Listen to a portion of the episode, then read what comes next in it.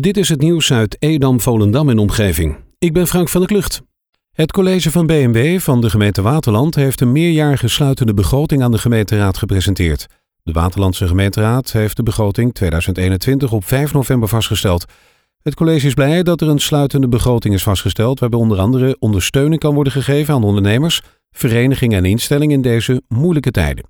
Voor deze ondersteuning, de lagere inkomsten en hogere kosten voor de gemeente Waterland in 2020 is al een reserve van 1,75 miljoen. Vandaag wordt er gestart met de werkzaamheden in de Schollexerstraat in Volendam. Hiervoor wordt een verkeersomleiding geplaatst. De werkzaamheden gaan tot 18 december duren. Maak je gebruik van één of meerdere voorzieningen vanuit de wet maatschappelijke ondersteuning, dan kan het zijn dat je nu ineens meerdere facturen tegelijk van het CAK heeft ontvangen. Het Centrale Administratiekantoor verzorgt deze facturen. Door technische problemen vallen nu bij inwoners van Edam-Volendam meerdere facturen tegelijk op de mat. Dat vindt de gemeente uiteraard niet leuk. Daarom bieden zij een antwoord op veelgestelde vragen, klachten en problemen op de website edamvolendam.nl. Een 16-jarige jongen is gisteravond door de brandweer uit de boom gered. De jongen zat vast met zijn voet in een boom op het kolkplantsoen in Oostzaan, waar hij zelf ingeklommen was. De brandweer was meer dan een uur bezig om de jongen uit de boom te krijgen. Uiteindelijk is besloten om de boom te snoeien om de voet van de jongen vrij te krijgen. De tiener is nagekeken door een ambulance, maar hoefde niet mee naar het ziekenhuis. Het aantal dagelijkse coronabesmettingen in de regio Zaanstreek-Waterland is de laatste 24 uur tot ver onder de 100 gezakt. Er kwamen 71 gevallen bij, wat het totaal in de acht gemeenten op 8.899 brengt. Dat meldt het Noord-Hollands Dagblad vandaag. De afgelopen paar dagen zat het aantal nieuwe besmettingen rond de 100. Nu gaan daar nog eens 30 vanaf. Daarmee zet de daling van het aantal besmettingen met het virus dat er dagelijks bij komt verder door. In Wormeland gaat de OZB komend jaar fors omhoog. In plaats van de gebruikelijke correctie voor inflatie, die doorgaans 1,5% bedraagt, verhoogt de gemeente de belasting nu met 10%. Daarvan is 8% nodig om de begroting sluitend te krijgen. Een gemiddeld gezin gaat hierdoor ongeveer 30 euro per jaar meer betalen. De gemeenteraad van Wormeland bespreekt deze week de begroting voor de komende jaren.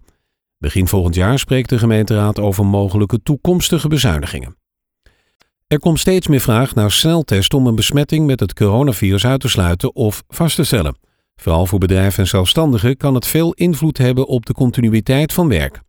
Met een coronasneltest kan binnen 30 minuten worden aangetoond of iemand besmet is met het virus omdat in de regio Waterland-Volendam-Edam nog geen mogelijkheden bestaan om deze sneltest te doen, wil huisartsenpraktijk Monnikendam nu in deze behoefte gaan voorzien. De test kost 79 euro. Ze werken met gekwalificeerd personeel en door het RIVM goedgekeurde sneltesten van Roche. De 25-jarige KSM uit Volendam moest zich gisteren tegenover de rechter verantwoorden voor de zware mishandeling van een sekswerker afgelopen voorjaar in haar appartement in het centrum van Amsterdam.